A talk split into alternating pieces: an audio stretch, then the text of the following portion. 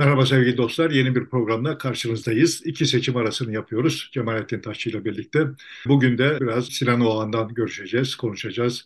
Zafer Partisi'nden görüşeceğiz, Ümit Özdağ'dan ve işte CHP'nin ve Kılıçdaroğlu'nun kampanya yürütüş biçimi ile Erdoğan'ın yürütüş biçimi arasındaki ikinci turdaki farklılıklar nedir, ne değildir Biraz onları konuşacağız. Bir de iki Cumhurbaşkanı adayı arasında bir montaj tartışması var. Sahtekar olarak nitelendirdi Kılıçdaroğlu Erdoğan'ı.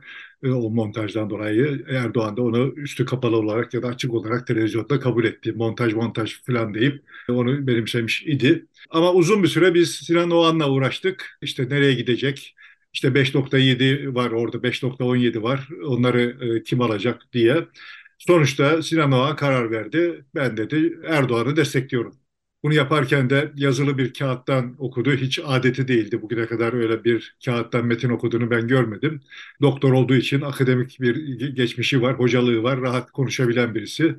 Ee, onun kağıttan okuması ilginç. Tabii moral, mimikler falan çok şeydi, e, kötüydü. Hiç soru da almadı. Ve sanki eline tutuşturulmuş da sen bunu oku denilen bir metni okudu, izlenimi uyandırdı pek çok kesimde. Önce başlamadan önce şunu söyleyeyim. Bu seçimin sonucunu Sinan Oğan'ın oyları vesaire falan belirlemeyecek olduğunu düşündüğümü söylemiştim. Sandığa gitme oranları iki kanattan sandığa gitme oranları belirleyecek diye düşünüyorum. Ve iki kanadın arasında geçirgenlik de o kadar zannedildiği kadar sıfır değildir diye düşündüğümü de söylemiştim. Şimdi bu şartlar altında Kılıçdaroğlu'na oy vermek vermiş ve işte ikinci turda gitmekte tereddüt ediyor olan veya işte verebilecek olduğu halde gitmemiş ikinci tura da gitmekte işte Kılıçdaroğlu'nun performansı ve veya başka sebeplerle tereddüt gösterenlere şunu söyleyeyim. Bu seçimin sonucunda Kılıçdaroğlu'nun seçilmesi başka hiçbir şeyi değiştirmeyecek olsaydı bile devletin tepesindeki 3-4 bin kişi değişecek. Yani rektörler değişecek, emniyet müdürleri, valiler değişecek, TRT genel müdürü değişecek. Yani TÜİK'in başındaki adam değişecek. Bizim son özellikle son beş yılda hayatımızın seyrini, sınırlarımızı vesaireyi belirleyen birçok kişi değişecek. Dolayısıyla bence hani öyle tembellik yapmadan önce kendi hesaplarına biraz düşünmelerinde fayda olduğunu düşünüyorum. Yani devlet bankalarının Abdülkadir Selvi'yi mamalaması imkanları ortadan kalkacak. Eğer Abdülkadir Selvi'yi hala yanında beslemek istiyor ise Erdoğan kendi cebinden beslemek zorunda kalacak. Yani biz beslemeyeceğiz. Bunlar benim açımdan bakıldığında o kadar önemsiz şeyler değil. Bunu bir parantez içinde belirtmiş olayım. Şimdi bu program boyunca şimdiye kadar yaptığım gibi ağırlıklı olarak Kılıçdaroğlu'nu eleştireceğim vesaire falan ama bu bu gerçeği unut yapmamı gerektirmiyor. Onu da söylemiş olayım yani. İnsan e, sevdiği adamı eleştirirmiş derler ya. ya da gelecek gördüğü birisini daha çok eleştirir. Daha iyi olsun diye. Sen de öyle yapıyorsun belli ki. yok hiç öyle bir derdim yok. Ben ben yani sonuçta beni izleyenler biliyorlar. Sonuçta siyasi çizgilerle, ideolojilerle falan çok yalıp veremediğim yok. Herkesin ideolojisi kendine. Beni ilgilendiriyor olan şey toplum ve mühendis tarafımla da işlerin doğru yapılması beni ilgilendiriyor. Yani işlerin doğru yapılması derken kastım mı şöyle anlatmaya çalışayım. Şimdi ne olmuş oldu? İlk turda Kılıçdaroğlu'nun Erdoğan'ın önünde bitireceği beklentisi yaygındı. İlk turda da kazanma ihtimali var gibi görünüyordu muhalif kesimde. Ve tabii ki Kılıçdaroğlu ve etrafındakilerdi. Yani onun kampanyasını yapanlar da vesaire. Bu gerçekleşmedi. Gerçekleşmeyince bir hayal kırıklığının olması son derece anlaşılır bir şey. Buraya kadar bir itirazım yok. Her şey anlaşılır görünüyor. Anlaşılmaz görünen şey şu. Erdoğan %50'ye yarım puan kadar yaklaşmış olduğu halde yenildi. Ve arada bir 5,5 puanlık bir işte bir Zafer Partisi ya da Sinan Oğan oyu var. Burada sadece ilkokul dördüncü sınıf aritmetik bilgisine sahip olan birileri ancak şu hesabı yapar. Yani aha biz yüzde 45'i 44,5'u neyse bulduk. Üzerine işte Sinan Oğan'ın oylarını koyarsak, Sinan Oğan'a oy verenlerin oylarını koyarsak bu seçimi alırız. Sinan Oğan'ın ve Zafer Partisi'nin genel kampanya şeyi neydi? Sığınmacılara karşıtlık idi. E o halde şimdi biz sığınmacılara karşıtlık yaparsak, onları alırsak gibi bir hesap yapılmış gibi görünüyor. Ya bu kadar basit bir siyaseti, toplumu okurken bu kadar sığlık ancak dediğim gibi ilkokul 4, dördüncü sınıf mertebesinde gerçekleşebilir ve anlaşılan o ki hesap böyle yapıldı. Buna itiraz ediyorum. Ben yani bunu Erdoğan yaptığı zaman da itiraz ederim. Bilmem yani sen yaparsan sana da itiraz ederim. Derdim bu benim yani. Yani, Orada biraz şu, şu yok mu acaba? Toplumu bölmeyelim, birleştirelim, işte e, kucaklaşalım, helalleşelim falan dedi dedi. E, olmadı. Erdoğan bölerek, kutuplaştırarak oy aldı. E, o zaman ben de bölüyorum kardeşim. Ben mi düşüneceğim? Cumhurbaşkanı olarak devletin başındakiler düşünmüyor. E, o zaman ben de bölüyorum diyerek sert bir giriş yaptı e, ve bölüyor oradan. Erdoğan, Kılıçdaroğlu da bölüyor şimdi. Sadece o matematikten değil galiba aynı yöntemi benimsemesinden kaynaklanıyor. Bu bölü bu bölme sırasında yani zaten siyaset dediğim bölme işlemidir. Evet. Mesele doğru siyaset büyük part, parça sende kalacak şekilde hani hocanın önüne baklava tepsisini getirmişler bölmüş o hesap yani. Sonuçta böleceksin zaten bölmek zorundasın. Bir, toplumun belli kesimlerinden oy talep edeceksin. Diğer kesimlerine karşı. Bu bölme işleminde eğer tepsinin büyük kısmı sende kalıyor ise mantıklı bir bu her zaman doğru etik vesaire olmayabilir ama mantıklıdır yani. Benim burada itiraz ettiğim şey mantıksız bir bölme işlemi yapılıyor. Başından itibaren Kılıçdaroğlu'nun ve yanındakilerin bölme işlemini mantıksız yaptıkları üzerine itirazlarım var. Şematize eder, edecek olursak. Burada iyice mantıksız bir durum var. Yani çünkü bölmeyi yaparken bize ne demiş oluyor ağırlıklı olarak? Ağırlıklı olarak sığınmacı konuşuyor yani. Şimdi ben pozitif kampanyanın yanlış olduğunu söyledim. Negatif kampanya şu demek değil yani. Her şeyi sövmek, sığınmacılara da sövmek değil. Negatif kampanya negatif olmak değil yani. Negatif kampanya Erdoğan'a oy verenlere e, verenleri zan altına bırakmak da değil. Yani o da bir negatif kampanya ama sonuç alacak bir negatif kampanya değil. Benim açımdan negatif kampanya Erdoğan'ı karşıya alan, Erdoğan'ı karşıya alan bir kampanyaydı. Bana kalsaydı, bana verselerdi bu kampanyayı ben işte dört tane ana başlığın üzerine inşa ederdim. Yani hikayeyi dört başlığa dayayıp Erdoğan'ın çapsız bir adam olduğunu anlatmak üzere inşa ederdim. Bunu yapmaya kalkmadılar. Bunu yapmaya kalkmamaların arkasındaki ezberi biliyorum, bildiğimi zannediyorum. Yani canım Erdoğan'la seçmeni arasında öyle bir şey aşk ilişkisi var ki bu ilişki asla aşılamıyor. Dolayısıyla Erdoğan'a vurursak onun etrafında toparlanılıyor, konsolide oluyor onu korumak için. Bak böyle değil ilişki. İş böyle değil yani. Fatih Altaylı yazmış. İşte e, Teşvikiye Camii'nin önünde hep olan bir çulsuz varmış. Evsiz dediklerinden anladığım kadarıyla. Her gördüğünde Fatih Altaylı'yı durdurup tırnak içe dileniyormuş. Ve işte ona sormuş kime oy vereceksin diye reisten başka oy verecek kimse var mı demiş. Yani adam işte bu kadar çulsuzmuş o reis yüzünden bu hallerdeymiş. Reis saraylarda yaşıyormuş. Peki niye reise oy vereceksin demiş. O da demiş ki ne demiş? Kelimeyi, cümleyi tam hatırlasam iyi olacak. Bizi temsil ediyor. Üstelik de milli demiş. Şimdi bu adamı o saraydaki adam nasıl temsil ediyor üzerinden işte bir tuhaflık görüyor Fatih Altaylı. Benim gördüğüm bütün kendini çok akıllı zanneden herkes böyle burada bir tuhaflık görüyor. Bak burada bir tuhaflık yok.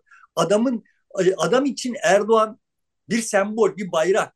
Adam bizimle dövüşüyor. Adam bizi Erdoğan bizi temsil ediyor derken sittin senedir söyleyip duruyorum. Erdoğan o çulsuzu temsil ediyor çünkü bizi rahatsız ediyor. Adamın maçı bizimle. Tabii. Adam Fatih Altaylı ile maç yapıyor. Ve Fatih Altaylı kimin kimden rahatsız oluyor ise adamın çok ümidi olsa yani Fatih Altaylı'nın rahatsız olmasından, mutsuz olmasından daha çok şey ümit edebilir durumda olsa o zaman başka tercihler yapabilir. Ama şimdi elinde kala kal kalmış bir tane bir şey var. Kendisinden dilenmek zorunda kaldığı Fatih Altaylı. Şimdi Fatih Altaylı'nın karşısında dilenirken kendisini aşağılanmış hissediyor kendisi. Aşağılanıyor da zaten. Dolayısıyla Fatih Altaylı'nın da kendisini aşağılanmış hissedilmesi için elinde bir tane koz var. Bir, şey, bir tek burada eşitlenebilir Fatih Altaylı ile.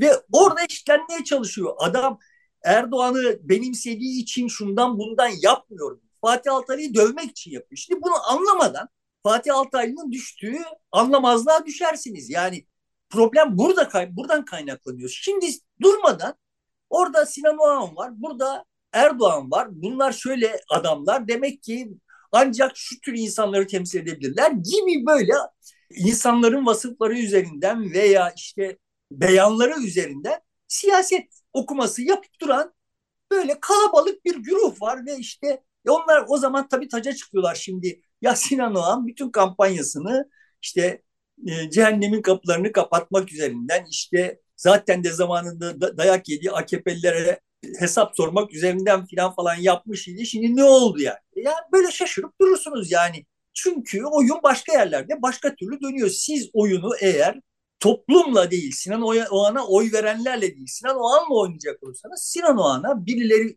diş gösterir, birileri bakan verir, birileri yani ya havuç gösterir ya sopa gösterir ve Sinan Oğan bir yerden bir yere gider. Siz olsanız siz de gidersiniz. Her birimiz de gideriz yani. Dolayısıyla burada esas mesele oyunu böyle okumakta. Ben bu kapsamda bir de yani Erdoğan'la dövüşmeden yani Erdoğan'ın kendisine hücum etmeden Erdoğan'ın yenilebileceğini varsaymalara da hiç aklım ermiyor.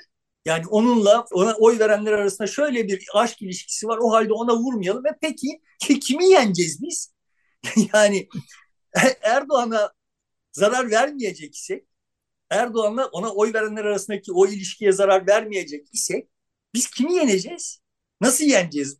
Bu maçı nasıl kazanacağız yani? Kampanyanın bir bölümü de bunun üzerine ama Erdoğan'ı doğrudan hedef alan işte mesela sahtekar diyen o montajlı e, kaset yüzünden işte e, terör örgütleriyle ilişki sen kurdun biz kurmadık diye doğrudan ona hesap soran tarafı da var.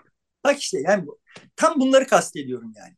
Şimdi zamanında Kılıçdaroğlu Erdoğan man kafa dediğinde sus pus oturdu işte daha yakınlarda o videoları gösterdiğinde, o montaj videoları gösterdiğinde yani ne yapıyorsun sen demedi. Evet. Şimdi böyle kuyruğu kapıya sıkıştığı zaman sahtekar dedi. E yani şimdi biz bütün bu buraya kadar denmiş olması gerektiği halde denmemiş olanları unutabilir miyiz? Yani sen şimdi kamuoyunu buraya kadar yapman gerekenleri yapmamışken şimdi bir şey yaptığın zaman aa tamam Kılıçdaroğlu şimdi oldu bak. Ha yani karnesi 9,7 idi. Şimdi şunu da tamamladı. 2 ile 2'yi çarptı 4 yaptı. Buldu bunu da. Tamam o zaman 10 vereceğiz. Böyle bir şey olabilir mi? Veya 4,5'tu 4,4'tü. Çakıyordu. Şimdi 4,5'a tamamladık şunu yaptı. Böyle bir, böyle bir dünya yok. Tamam yani bizde şimdi kalan benim gö gördüğüm Kılıçdaroğlu şu. Aciz içinde, çaresizlik içinde yapmış olması gerektiği halde yapmamış olduğu şeyleri oradan birisi bir şey söylüyor onu yapıyor buradan birisi bir şey söylüyor onu yapıyor falan. Tamam dolayısıyla bu, bu yanlış bir fotoğraf. Kamuoyu her birimiz teker teker bu tür fotoğrafları okuruz. Şimdi gelelim şeye yani bana kalsaydı ben bu kampanyayı bir kere Erdoğan acizini göstereceğim. Erdoğan'ın dindar e, olması efendim işte şu su bu su değil.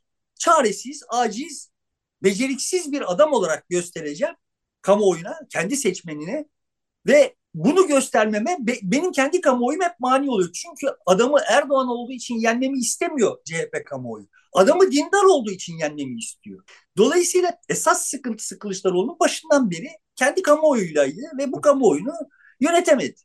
Siyaset yapmadığı için, siyaset bilmediği için, oyunu kendi kamuoyuyla oynamayı bilmediği için olmadı falan filan. Bunların hepsi birikti. Şimdi geldiğimiz noktada benim gördüğüm iki kampanya arasındaki esas fark sığınmacılar. Biz ama sığınmacıların matah bir siyasi faktör olmadığını gördük. Zafer Partisi böyle çok popüler olduğu dönemde ben o zaman serbestiyette Sema bir program yapmıştım ve bana biraz tuhaf bakanlar da olmuştu. Ya kardeşim bırakın adam konuşsun demiştim çünkü yani. Adam konuştu ve o popülarite buharlaştı. Ve ne gördük? Demek ki işte sığınmacı politikasının toplumdaki karşılığı yüzde ikiymiş. Yani bunun yüzde, bunu kaşıyıp durmanın bir manası yok. Yok çünkü böyle bir Türkiye'de sığınmacı problemi yok değil.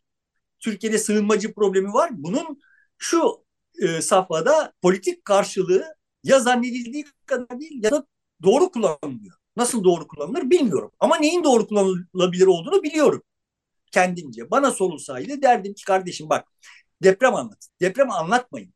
Depremde yaşananları bize gösterin. Yani siz orada burada mitingler yapın, sevgi pıtırcıklıkları yapın vesaire falan falan ama bize deprem bölgesinde yaşananları an be an gösterin. Ve şunu hissettirin bize yani.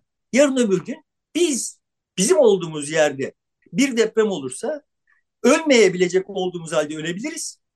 Eğer ölmezsek ölmediğimize pişman olabiliriz yani. Çünkü Erdoğan depremde enkaz altında kalmış veya enkazdan çıkmış olan insanları değil. Kendi oy hesabını düşünüyor. Tamam ya bize bunu gösterin yani. Realite bu ve bunu bize gösteremediniz. Depremi unutturdunuz. Bunun ötesinde şimdi ben sana şöyle bir soru sorayım yani. Sen şimdi bir Almanya başbakanının veya İngiltere başbakanının veya Fransa başkanının eşinin New York'ta New York'a gittiğinde eşiyle beraber eşi Birleşmiş Milletler'de bilmem bir şeyler yaparken mağaza kapattığınız, cadde kapattığını düşünebilir misin? Olmaz zaten. Peki Türkmenistan Başkanı'nın Putin'in yani eğer uluslararası camiada hala bir şey olsaydı, olduğu zamanlarda Putin'in eşinin veya Aliyev'in eşinin veya Birleşik Arap Emirlikleri'nin eşinin Ürdün kraliçesinin bunu yapabildiğini yapabileceğini akıl edebilir misin, görebilir misin? Bunu gördük defalarca. Yani bana bizim e, uluslararası planda Batı'nın bir parçası olmaktan çıkıp aha işte bu ülkelerin temsil ettiği lige düştüğümüzü anlatın kardeşim. Bize deyin ki mesela bak sen zamanında işte Erdoğan'a oy verenlerin büyükçe bir bölümü ben yaşlarda veya işte benden biraz genç, biraz yaşlı. Biz ne hikayelerle büyüdük? Doğu Almanya'dan Batı Almanya'ya göçmek isteyen insanların hikayeleriyle büyüdük. Neydi bizim o dönemde yani Erdoğan'a oy veren tabanın o yıllardaki hikayesi neydi? İşte Batı'da özgürlük var, Doğu'da yok. Şimdi ne, ne oluyor? Şimdi Türkiye'den Türk çocukları batıya kaçmaya çalışıyor. Yani Doğu Almanya'dan Batı Almanya'ya kaçmak isteyenler gibi. Bak biz şimdi Doğu Almanya'nın o, o yıllardaki haline geldik. Doğu Almanya oldu evet. Yani Batı, Batı Almanya'ya gitmek istiyor. evet. Şimdi böyle somut ve hatıralara yaslanan bir şeylerle yani böyle afaki afaki kavramlarla değil. Yani işte güçlendirilmiş parlamenter sistem, işte popülizm, efendim işte tek adam filan falan şeyler yine değil yani. Bak böyle somut insanların hatıralarına ve e, gözlemlerine yaslanan şeylerle ve insanlara şunu söyleyin. Bak senin oğlun, kızın, onlar değilse torunların gidecekler, onları özleyeceksin. Üstelik de nasıl gidecekler? Sen burada e, saçını süpürge ettin, onu okuttun, mühendis ettin veya işte reklamcı doktor, yaptın. Doktor, yaptın. doktor oldu, doktor. Doktorların doktorlar gidip doktorluk yapıyorlar. Şimdi ama burada bunca sene okumuş mühendis gidecek Macaristan'da, Polonya'da yani böyle İngiltere'de falan da değil yani. Çek, Çek Cumhuriyeti'nde garsonluk yapacak kardeş. Yani şimdi giden doktorlar gidiyorlar doktorluk yapıyorlar. Ama senin to- çocukların, torunların burada ne kadar okumuş olurlarsa olsunlar gidip orada garsonluk yapacaklar. Kuryelik yapacaklar. Yani şimdi sen de onları özleyeceksin. Onların özlemiyle öleceksin. Yani bak Türkiye'nin hali bu. Bunları anlatın bize. Yani bize böyle çiçek böcek anlatıp duruyorsunuz. ben şeyi bilmiyorum yani İmamoğlu demiş ki bana sevgi pıtırcığı dediler desinler ben hep sevgi pıtırcığı kalacağım. E tamam ya sen öyle yap. Kim diyormuştu sevgi pıtırcığı onu bilmiyorum ben dedim. Onu biliyorum yani. E, herhalde beni duymuş değildir. Bana cevap veriyor değildir. Başka birileri de demiştir. Onlara cevap veriyor. Ya kardeşim sen sevgi pıtırcıklığından çok hoşlanıyor olabilirsin. Ama sen seçimi onunla kazanmadın ya. Yani sen o seçimi sevgi pıtırcı olduğun için kazandığını zannediyor isen zaten sana kaldığımız durumda bizim biz ayva yedik. Sen o seçimi e, İyi Parti'ye oy verecek vermiş olan hatta MHP'ye oy vermiş olan milliyetçilerle onlara taban tabana karşı olan Kürtler ve onların taban tabana karşı olduğu Kürtler hepsi sana oy verdiği için kazandı. Yani sonuçta böyle ben sevgi pıtırcı oldum diye olmadı o iş. Ne için oldu? Bir tek sebebi var. İstanbul'u Erdoğan elinden almak konusunda toplum olağanüstü motiveydi. Bunu da sen sevgi pıtırcıklığıyla berbat ettin. Başa baş bitti. Normalde farklı bitecek seçim. Sonra ha bir dakika bu sevgi pıtırcıklığıyla olmuyor dedin. Kolları sıvadın ve seçim normal bitmesi gerektiği gibi bitti. Bir tek sebeple. İstanbul'u er, e, Erdoğan elinden almak sebebiyle. Şimdi bunu idrak edemiyor iseniz bu seçimin de tam da o seçim olduğunu Türkiye'yi Erdoğan elinden almak olduğunu idrak edememişseniz o zaman biz yanmışız. Yani biz sizin idraksizliğiniz yüzünden yeniliyoruz sonra bizi suçluyorsunuz yani. E, ya faturayı başkasını kesecekler tabii. Kendilerini kesecek değiller. Şimdi benim benim derdim şu. Bak ben diyorum ben olsaydım ne yapardım? Bunu yapardım. Ben başka ne yapardım? Trump densizin biri.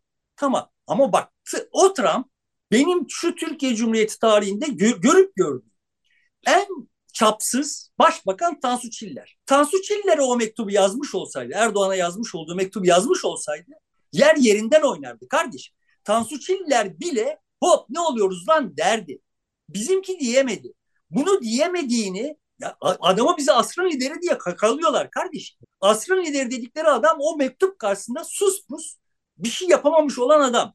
Herkesin önünde diz çökmüş kendi siyasi ikbali için diz çökmüş. Bir adam şimdi bunu anla, anlatamadan adamın dindarlığıyla uğraştığınız zaman maçı kaybedersiniz. Şunu anlatamadan yani bunu da, da daha önce bilmem kaç defa söyledim. Yani Türk takımları Avrupa liglerinde Real Madrid'le Liverpool'la değil işte Vietnam şampiyonuyla İran şampiyonuyla oynayacak. Şimdi bunlar herkesi yakalayabilecek şey ve somut şeyler. İnsanları kafalarını canlandırabileceği şeyler yani. Tamam yani bunları harmanlamadan bunları harmanlasaydı bana kalsaydı ben oyunu böyle kurardım.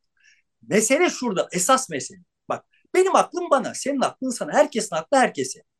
Benim aklım ama ben bu oyunu böyle kurardım deminden beri anlattığın sebeplerle o varsayımlarla. Ama ben bu akıllılar kadar akıllı olmadığımı düşündüğüm için böyle bir oyun kurduğum zaman bunu önce bir test ederdim. Kamuoyunda muhtelif kesimlerden insanları toplayarak bunların üzerine test ederdim. Ya kardeşim hiçbir test yapmadan kendi kafanıza göre dandik dundik kampanyalar yapıyorsunuz. Şimdi geçen gün programın birinde işte siyaset reklamcıların elinde ya reklamcı değil bunlar kardeş. Yani Türkiye'deki herhangi bir teknik direktör ne kadar te, futbol teknik direktörüyse bunlar da o kadar reklamcı.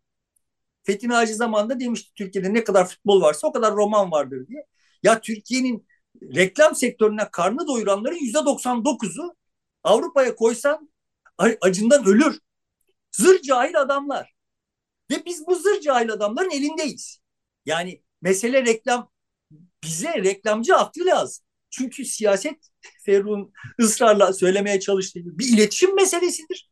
Ve evet yani bu siyasal iletişim iletişim bilimi gerektirir yani.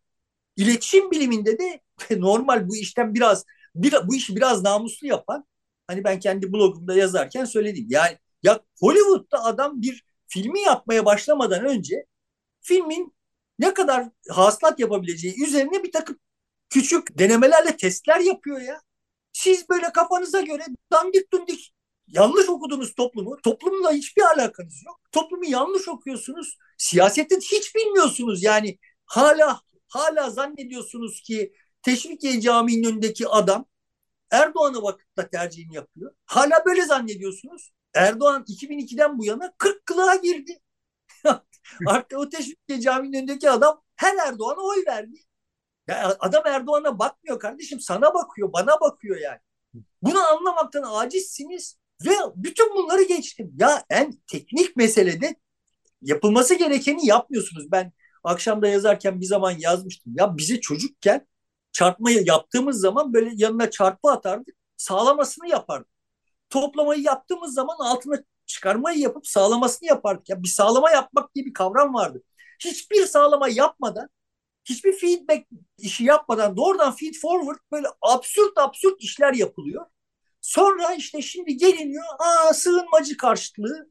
Ya bizim meselemiz bu değil bak bizim meselemiz orada Erdoğan diye biri var ve toplumun hatırı sayılır bir kesimi Erdoğan'ın defterini dürmeye karar vermiş. Sen şimdi burada böyle yalpalayıp durduğun zaman saçmalayıp durduğun zaman milletin bir kısmı Erdoğan'a pekala oy vermeyebilecek bir kısmı aa bunların eline kaldıksa diyor. Senin temin ederim olay böyle oluyor yani.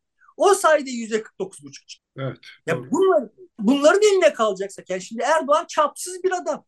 Ama sen şimdi bir de bu işin tarihi var. Daha acıklısı. Adam çapsız bir adam. Başından itibaren öyleydi ve sen bu adama yenildin. Yenildiğin zaman bu adamın bir seçim kazanma makinesi olduğu, bir siyasi deha olduğu, bir belagat ustası olduğunu anlattın. Sırf oklar sana çevrilmesin diye. Önce Baykal yaptı, sonra sen yaptın Kılıçdaroğlu olarak.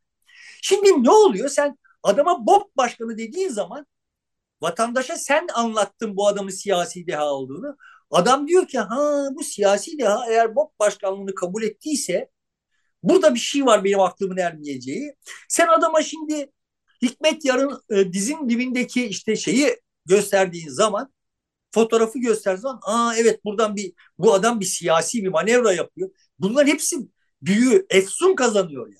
Yani sen şimdi olmayacak yerlerden vurup duruyorsun. Senin yaptığın hata yüzünden oluşmuş bir hikaye var. Bu hikayeyi yıkmak için doğru yerden de hücum etmiyorsun yani. Senin yaptığın şey bu. Kazık bize sok, senin soktuğun yani sen, senin ekibin ve işte senin seçmeninin bize soktuğu bir kazık bu. Dolayısıyla şimdi bu iş o kadar kolay değildi. Daha da zorlaştı. Ya toplum her şeye rağmen benim gördüğüm toplum iyi kötü kararını vermişti. Bunları yola sokmak için de elinden geleni yapmıştı. Bunlar çiçek böcek yaparken onların derdi gücü Erdoğan'ı nasıl götürürüz idi falan. Ama toplumun gücü buraya kadar yetti. Şimdi gelelim bir de bizim milliyetçilerimize yani. Parantez içinde bunu söylemeden edemeyeceğim. Yani şimdi bir sonraki safhada anladığım kadarıyla bir sonraki safhada bir milliyetçi iktidar hayalleri falan falan kuruyorlar. Yani bunların milliyetçiliğinde ne yani şimdi milliyetçi bir iktidar kursalar dertleri ne olacak? Bir tek dertleri var. Bak yani Türkiye küme düşüyor. Türkiye Trump'tan o mektubu alıyor, sindirmek zorunda kalıyor. İşte zamanında hatırlarsın Türkiye Yunanistan'la Ecevit zamanında papaz olduk, olduğu sırada Yunanlılar Ege'de petrol aramak için bir gemi çıkarmışlardı. Ve işte Ecevit zor durumda kalmıştı. Yani Yunanlılar yapıyor biz yapamıyoruz filan diye bir tane dandik bir tekneyi dandik bir şekilde donatıp denize salmıştı. İşte Hora idi bu evet. ve o Hora ile övünüyordu. Süleyman Demirel çıktı dedi ki Hora bir balıkçı gemisidir. Hora bir balıkçı dedi. Ve Ecevit onun altından kalkamadı. Şimdi neydi orada mesele? Yani Türkiye'nin milliyetçi duygularını kaşıdı Erdoğan. Yani herkes kaşımaya çalıştı. Ecevit Türkiye'nin milliyetçi duygularını kaşımaya çalıştı. Ee, Yunanistan'ın karşısında maçı kaybetmiyoruz diye. Demirel ne yaptı? Türkiye'nin milliyetçi duygularını kaşıyıp bize yakışan bu değil kardeşim. Bundan daha iyisi. Dedirtti yani Türkiye'ye. Şimdi adam orada TGC Anadolu'yu dolaştıracak. Sen çıkıp da ama şimdi ben bu laf buna bir laf edersem işte Türkiye'nin böyle oynadığınız zaman bu maçı kazanamazsınız. Adam TGC Anadolu'da kazanacağını kazanır. Liman liman gezdirip işte buradan bir şey kazanıyor. Yani lan bu Türkiye'nin yap, yapacağı bu mudur desen o da bir milliyetçilik. Şimdi Türkiye'nin milliyetçileri bütün bunları sineye çekiyor kendilerine milliyetçi diyenler. Yani o dandik gemilere, o işte e, SİHA'lara, İHA'lara, cartlara, curtlara. Neden? Türkiye'nin bütün iddialarını kaybetmiş, herkes tarafından e, iskale uğrayan bir ülke pasaportunun olağanüstü değerleşti, değersizleştiği bir ülke olması karşısında bir tek Kürt dövmek için bütün bunlara katlanıyor. Bunlar da milliyetçi ve devlet tapar yani. yani halimiz bu ya. Bu milliyetçileri, bu milliyetçiliklerin ufuksuzluklarını yenemiyoruz ya. Ondan sonra vatandaş suçluyoruz. Ya kardeşim kendinize dönüp bakın ya. Şimdi e, belki bu ikinci turda milliyetçilerin eli daha rahattır oy verme konusunda e, Kılıçdaroğlu'na olabilir. E, çünkü Yeşil Sol'un anahtar parti olma özelliği düştü. Bugüne kadar hep öyle iddia ediliyordu. Mecliste e, anahtar parti olacak. Nereye giderse o evet oradaki eğilim gerçekleşecek diye. Ama e, böyle olmadı. İşte yerine milliyetçiler ya da AK Parti, CHP falan gelmiş oldu. Böylece Kılıçdaroğlu'na gidildiğinde, seçildiğinde ya işte mecliste nasıl olsa e, biz çoğunluktayız, burada dengeleriz diye bir duygu atmosferi oluşabilir milliyetçiler arasında. Yani Erdoğan'a zor oy veren, e, Kılıçdaroğlu'nda vermek isteyip de vermek istemeyenlerde bir dip dalgası olabilir mi önümüzdeki ikinci e, turda? Evet ben videoların birinde yani bu seçimde ilk, ilk turda Erdoğan'ın bizim zannettiğimizden daha yüksek oy alma potansiyelinin olduğunu çünkü işte MHP'li seçmenin üç ileri gördüğü yerde üç ilerinin altına bastıktan sonra tamam ben partime karşı vazifemi yerine getirdim şimdi Erdoğan'a oy verebilirim diyebileceğini demişim ve bir izleyici şimdi bu seçimde böyle bir e, durum olmadığı için yani tek bir seçenek olduğu için, tek bir seçim olduğu için bu işin ters dönüp dönemeyeceği konusunda ne düşündüğümüzü sormuş. Böyle bir ihtimal var. Yani MHP seçmeninin Türkiye'de milliyetçilerin çok parçalı olduğu daha, daha önce konuşmuştuk. Aslında bunu daha teferruatlı yani bu Türkiye'deki milliyetçilik üzerine çok daha teferruatlı konuşmak gerekiyor. Belki seçimden sonra dermanımız kalırsa Türkiye'de milliyetçiliğin tarihi hakkında bir dizi yapmakta fayda olabilir belki. Ve belki hani bunu Kürt, e, Kürtçülükle, Kürt siyasetiyle falan karşılaştırarak belki yapmak daha da iyi olabilir. Gerçi hani Türkiye'de milliyetçiliğin odağının sadece Kürt düşmanlığına indirgenmesi son derece yeni bir şey. Zannedildiğinden çok daha yeni bir şey yani. PKK'nın ilk zamanlarında bile olay böyle değildi. Daha, da, daha zengin bir perspektifleri vardı. Ama yani mesela e, ana hatları itibariyle milliyetçilerin önemli bir bölümü hala NATO'cudur. Ya batıcıdır yani. Onların tabiriyle kullanıyorum NATO'cu diye. Yani onlara Rusya ile veya işte Çin'le falan iş tutmak çok e, iç açıcı değildir. Ama buralara oynanmıyor hiç. Buralar hiç hatırlatılmıyor seçmene yani. Seçmene buralar hatır, hatırlatılmayınca e, mevzu çok dar bir şeyde kalıyor. E, seçmenin de gündelik enformasyon tüketme kapasitesi sınırlı ya. yani her birimiz olduğu gibi. Buraya durmadan e, Erdoğan istediklerini CHP'liler kendileri doldurunca başka yani depreme yer kalmıyor söz temsili yani. Ama bunu Erdoğan e, depremi bizim gündemimizden Erdoğan çıkartmadı yani. Biz çıkarttık. Hep birlikte çıkarttık. Muhalifi muvafıkı. Dolayısıyla şimdi hani böyle bakınca ikinci turda evet MHP e, seçmeninin tutumu değişebilir. MHP'ye oy vermiş olan seçmenin tutumu değişebilir. En kolay değişebilir olanlardan bir tanesi o. Aslında bu Doğan hadisesi başka birçok şeyde bizim bilmediğimiz başka birçok şeyde tetiklemiş de olabilir.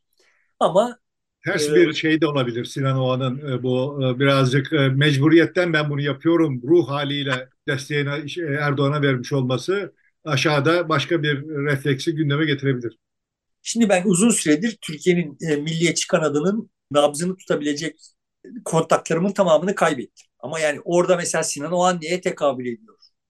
Sonuçta bir Bahçeli sonrasına hazırlık vardır ve MHP kamuoyu bizim bildiğimiz diğer kamuoylarına benzemez. Yani diyelim ki AKP'nin içinde Erdoğan sonrasına yönelik bir takım hazırlıklar var ve bir rekabet var ise bu rekabetten AKP'ye oy veren işte seçmenlerin birkaç yüz binin haberi vardır. O kadar bile değil. Birkaç on binin haberi vardır. Onları etkilerler. Yani o geriye kalan on milyonlarca kişi orada Erdoğan'dan sonra Binali olmuş, Hulusi olmuş, Süleyman fark, yap, fark yapmaz yani. Onunla oradaki şey bilmezdi. Ama MHP kamuoyu öyle değil. Yani. MHP kamuoyu en az yarısı Bahçeli sonrası hesaplarda bir taraftır. Ve kim ne en azından öyleydi yani. Şimdi tablo hala öyle midir bilmiyorum. Bu anlamda şimdi Sinan Oğan'ın yapacağı o kadar Bahçeli'nin ve yanındakilerin Sinan Oğan'a öyle üç gün önce söyleyip durduktan sonra Sinan Oğan'ın ittifaka girmesi, sonra birilerinin MHP başına AKP tarafından Sinan Oğan'ın düşünüldüğü konusunda bir takım dedikodular yayması falan bunların o kamuoyunda ne tür reflekslere sebep olduğunu bilemiyorum şu anda. Ama bir şeyler orada kaynıyordur. Dolayısıyla o MHP'li seçmenin yer değiştirmesi ihtimal dahilindedir ve o MHP'li seçmenin yer değiştirmesi için sığınmacılarla dövüşmek doğru bir taktik değil benim açımdan. Mesele şu, Sinan Oğan'ı kaptırdık, Ümit Özdağ'ı alacağız filan gibi bir takım hayaller kuruluyor. Anladığım kadarıyla Ümit Özdağ da buradan yani Sinan Oğan kendince bir şeyler aparttı. Şimdi buradan da Ümit Özdağ bir şeyler aparttık. İki tarafı da zehirleyebilirler. Mesele şu şeyin e, açısından, Kılıçdaroğlu kanadı açısından bütün bu tartışmalar Kürt seçmenin her gün yani her gün biraz daha biraz daha biraz daha Kürt seçmenin sandığa gitme motivasyonunu olumsuz etkiliyordur. Görüldü ki bu 14 Mayıs'ta gördük ki zaten tatsız bir sonuç çıktı Kürt seçmen için. Kendi içlerinde tartışmalar yoğunlaştı. Zaten motivasyon düşük olacağını, o yenilgi sebebiyle motivasyon düşük olacağını Zaten bir de bölgede HDP'nin aldığı yani Yeşil Sol'un aldığı oy düşmüş eskiye göre belli oranlarda. E, yüzde beş, yüzde onlara kadar düşmüş. Bu da e, önemli bir gösterge. Büyük şehirlerde de düştü, metropollerde de. Katılım düştü. Yani düşmenin oyun düşmenin ötesinde katılım seçime katılım da düşmüş. Bölgede. Seçime katılım düşmüş şeyde yani e, bölgede e, şey oy oranlarında ciddi bir düşüş yok da seçime katılım düşmüş. Düştü, evet. E, metropollerdeki oy kaybı anlaşılır yani. O tipe gitti yani o oyların büyük bölümü. Bir kısmı da CHP'ye gitti. Şimdi biz bunu tekrar hatırlatayım. Seninle biz bu programları ilk çekmeye başladığımız 31 Mart seçimi son, öncesi ve sonrasıydı. Ve o 31 Mart seçimi sonrası Kürt hareketinin, Kürt siyasetinin çok zor bir yere girdiğini çünkü işte 31 Mart'ta hiçbir şey talep etmeden öyle teslim olmuş olmasını yaratacağı bir sıkıntı olacağını zaten konuşmuştuk ve o sıkıntıyı aşamadı. Aşamaması anlaşılır bir şey. Tek, bunu da defalarca dile getirdik. Yani bu kadar kadroları iç, e, içeride ve devlet tarafından böyle taarruza uğradığında oradan yaratıcı bir şey çıkmaması, hayatta kalma güdüsünün ön plana çıkması falan bütün bunlar da anlaşılır şeyler. Ama bu anlaşılır olması bizim şu andaki problemimizi değiştirmiyor. Yani şu anda Kılıçdaroğlu için birinci öncelik Kürt seçmeni sandığa götürmek. Yani eğer Kılıçdaroğlu'na oy vere, verecek olanlar da bir fire sandığa gitmekte bir fire olacaksa bu ağırlık olarak Kürt seçmende olacak yani. Ya, yani İyi Partili seçmende olacak ama İyi Partili seçmen zaten çok kararlı bir biçimde gidip Kılıçdaroğlu'nun arkasında durmamıştı ve bu sefer durabilir. Durabilir bu sefer evet.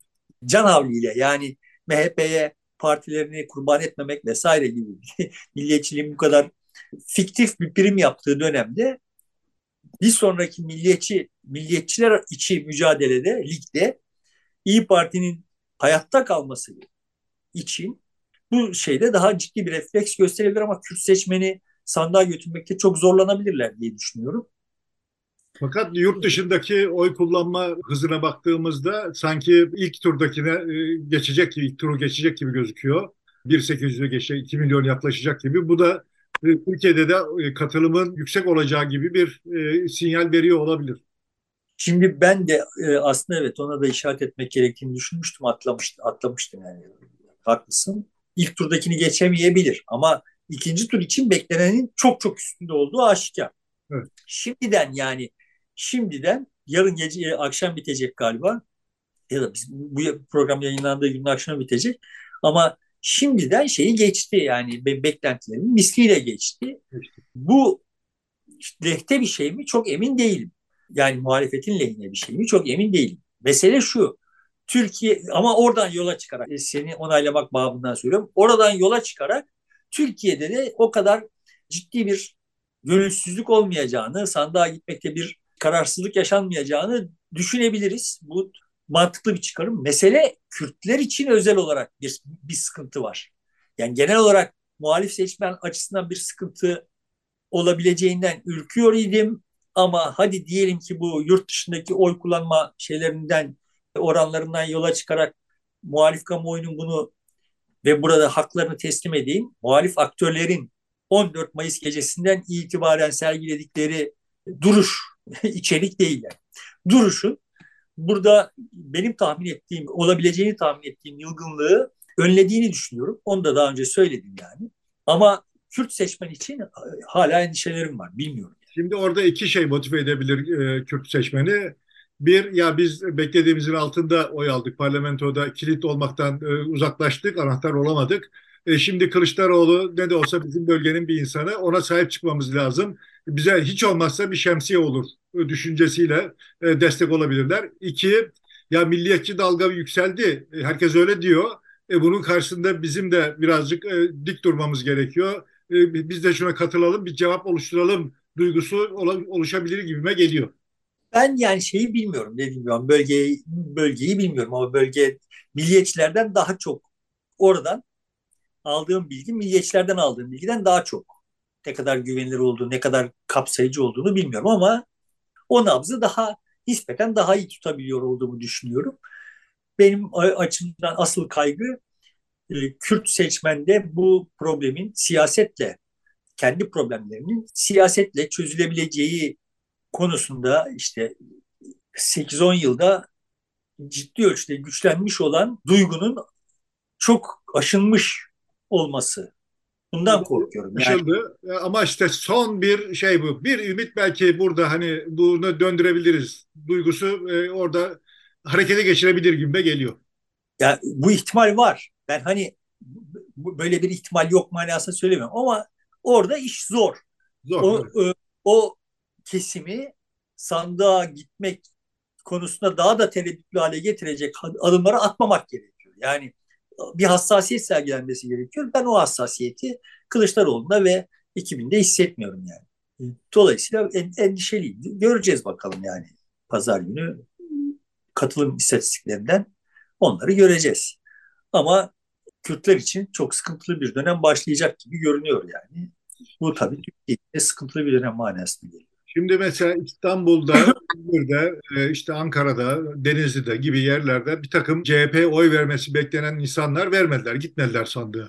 İtiraz ettiler, tepki gösterdiler. Ya bir listeyi beğenmediler ya başka bir sebepleri var, adayı beğenmediler filan.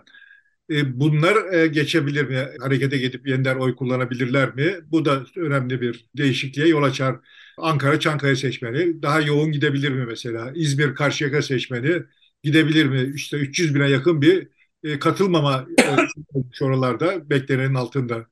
Yani ben istatistiklere ham olarak baktığım zaman bundan daha yüksek bir katılım beklemiyorum. Yani 14 Mayıs'takinden daha yüksek bir katılım beklemiyorum. 14 Mayıs'ta birileri sandığa gitseydi eğer Kılıçdaroğlu'na oy vereceklerdi belki ama o sandığa gitmemiş orada sandığa gitmemiş olanların 28 Mayıs'ta gitme ihtimalini çok yüksek görmüyorum. Benim açımdan asıl tayin edici olan 14 Mayıs'ta gitmiş, 28 Mayıs'ta gitmeyecek olanların hangi kanattan daha çok olacağı. Ama çok da yanılıyor olabilirim. Bilmiyorum yani çok yanılıyor olabilirim. Bunu da kayda değer bir bana 15 Mayıs günü sorsaydın ya da 17 Mayıs günü yok ya olmaz bir daha asla 14 Mayıs oranı yakalanamaz derdi. Şimdi yani sanki ben de hani öyle düşün öyle bir şey hissettiğim için videonun başındaki tırnak içinde hatırlatmayı yaptım. Yani bak hiçbir şey değiştiremeyeceksek bile 3000 kişiyi değiştiriyoruz. 3000 kişiyi değiştiriyoruz ve bunlar kritik öneme haiz yani.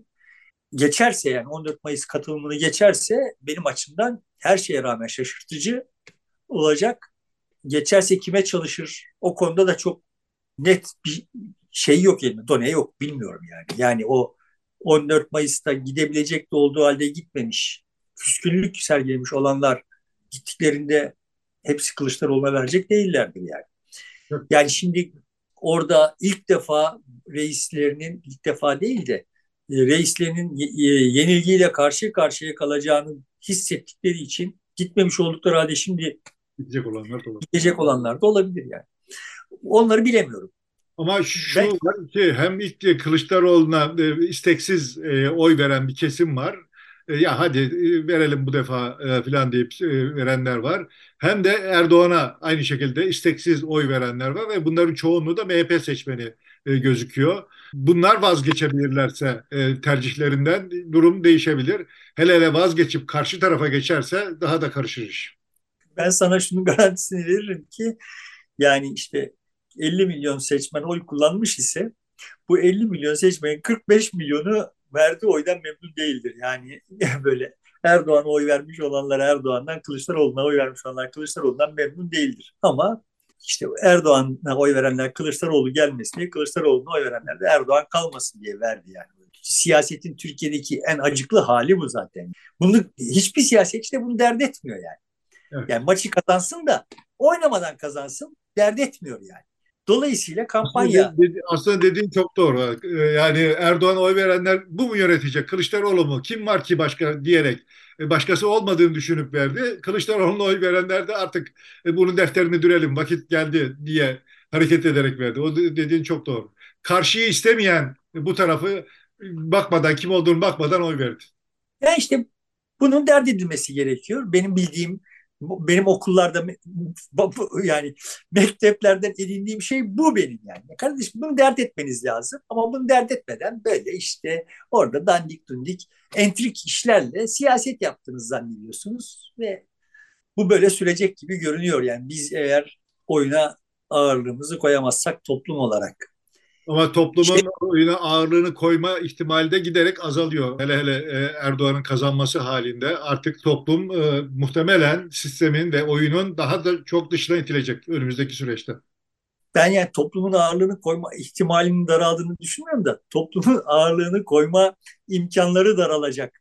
Yani biz daha yani toplum biz derken toplumun bütün kesimleri Erdoğan'a oy vermiş olanlar da dahil olmak üzere daha çok ağırlık talep edecekler ve bu Erdoğan'ın işine gelmediği için şiddet artacak. Devlet şiddeti artacak diye bakıyorum. Yani benim benim formülasyonum öyle. Yoksa hani bu toplumu normal şartlarda yönlendirmenin imkanları ortadan kalktı artık.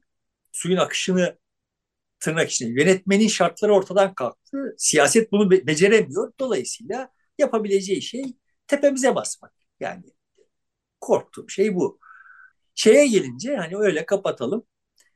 Sonuçta TRT'de galiba değil mi Selvi böyle utangaç utangaç montaj galiba falan filan. Şimdi bende kalan intiba şu. Yani Erdoğan hepimiz biliyoruz ki o videonun montaj olduğunu biliyor idi. Ama montaj olduğunu bile bile gösterdi ve bunun işte yarın öbür gün yani bir sigaya çekilecek bir hesabı sorulacak. Şimdi demiş oldu ki yani hem kendi kamuoyuna hem de işte genel kamuoyuna demiş oldu ki evet montaj ama ben de biliyorum ama yani filan falan da demiş oldu. Bir biçimde kendisini emniyete almaya çalışıyor ama arka planda kendi seçmenini çok aptal yerine koyan bir şey. Bu yeni bir şey değil yani Erdoğan'ın seçmenini aptal yerine ve Erdoğan'ın yanındakilerin yani Nebati'nin konuşmaları böyle çiğ çiğ konuşmalar falan böyle bu aptal yerine koymaları da deşifre edilmemesini acıklı buluyorum işin hakçası. Yani bunları biraz üzerine gidiliyor. Çünkü mitingde gösterdi onu. Hani birileri gö- bir yerde gösterir falan ıı, değil. Mitingde gösterdi ve üzerine de konuştu. Ee, İzmir İstanbul'daki Atatürk Havalimanı'nda yaptığı mitingde. Yani şimdi onun kurmacı olduğunu biliyordum, montaj olduğunu biliyordum. Montaj olduğunu bildiğini bildiği halde böyle kullandı. Burada Abdülkadir Selvi işte gazeteci rolü yaparak bu şeyi kendi kendi yani hepimiz tahmin edebiliriz ki bunu Abdülkadir Selvi kendi kendine sormuyor yani. Ona bunu böyle sor diyorlar. O da öyle soruyor. Nereden biliyoruz bunu? Çünkü üstüne gitmiyor yani. Normal gazeteci refleksiyle bunu sor, kendin sorabiliyor isen Erdoğan o cevabı verdiği zaman e, o, o zaman biliyor muydunuz montaj olduğunu ya işte filan falan bu montaj olması ne manaya gelir? Bir üstüne gidilir yani. Gitmemesinden biliyoruz ki Erdoğan'ın orada böyle bir ben bunun montaj olduğunu biliyor idim, montaj olduğunu bile bile kullandım demesini sağlayacak bir Hiç zemine oldu. ihtiyaç duymuşlar. Yani bu zemini bize verdiler geçti yani. Şimdi ne olmuş oldu? Erdoğan o videoya montaj demiş oldu. Ama ona muhalefetin de şey oldu. Er, Kılıçdaroğlu hemen anında sahtekar dedi mesela. Bir cevap verdi oraya. Üzerine gidildi. İlk anda sahtekar denseydi İlk o zaman bir manası vardı. Şimdi adam diyor ki ya ben bunun sahte olduğunu biliyorum. Yani adam kendisi sahte demiş. Yani kullandığı şeye sahte demiş adam. Şimdi sen ona sahtekar dediğin zaman başka bir başka bir moda geçtik. Ben bunu ta, tam olarak derdini ifade edemiyorum. Biliyorum da yani adamın kolunda Rolex var. Sahte olduğunu biliyorsun. Sesini çıkarmamışsın. Adam diyor ki bu sahte. Sen şimdi adama sahtekar diyorsun. Tamam ya. Adam dedi ki zaten sahte. Yani... Ama o kadar da haksızlık etmeyelim. O zaman da söylediler. Ama bu kadar kuvvetli söylenmedi. Bir tartışma konusu haline getirmediler. Doğru. Yani ya, o zaman yapmış olsalardı başka olurdu. Hadi yaptılar diyelim. Yani sonuçta şimdi sahtekar demenin manevra adam diyor zaten. Benim, benim saatim sahte diyor zaten yani. Bir şekilde ön almış oldu. Kendisini o manasız yerden çıkartmış oldu. Ama e, ne oldu? Yani seçmenin de ben yani seçmeninin aa bak evet sahiden de Kılıçdaroğlu Kandil'de filan falan böyle videolar çekilmiş filan da inandım da düşünüyorum. İnanan var mıdır? Vardır birkaç yüz bin kişi sağda solda. Erdoğan da aslında bu noktaya nasıl geldi? E, bu bir, bir, birkaç yerde söylendi, epeyce söylendi. Yani bunun büyüyeceğini anladı ve ön almaya çalıştı. Öyle söylemiş olduğu anlaşılıyor. Kesinlikle parodi ya o yani. O ben şeyi seyretmedim tamamını ama yani o Abdülkadir Selvi'nin o soruyu soruş Erdoğan cevabı verişti. Gördün ama bir para hazırlanmış bir şey yani. Bir ihtiyaç hissedilmiş besbelli. Şimdi onun üzerinden vay filan diye kıyamet kopuyor. Adam yine adamın istediği oldu yani. Adamın istediğini muhalefet yine yapmış oldu. Bakalım. Göreceğiz. Az kaldı seçime. Evet, e, seçime katılımın yüksek olacağı gibi bir e, hava oluştu. Yani en azından geri kalmayacak, düşmeyecek gibi. Aynı rakamlar yakalanacak gibi gözüküyor. Belki de aşabilir de. Dolayısıyla herkesin gidip oyunu kullanması gerekiyor. Son bir görevdir. Kim neye inanıyorsa gidip oyunu kullanıp e, gelsin. Burada bitirelim istersen. Hay hay. Sevgili dostlar burada bitiriyoruz. Ee, ama bu seriyi devam edeceğiz seçime kadar. Bir iki programda yaparız diye tahmin ediyorum. İzlediğiniz için, desteğiniz için çok teşekkür ediyoruz. Hoşçakalın şimdilik.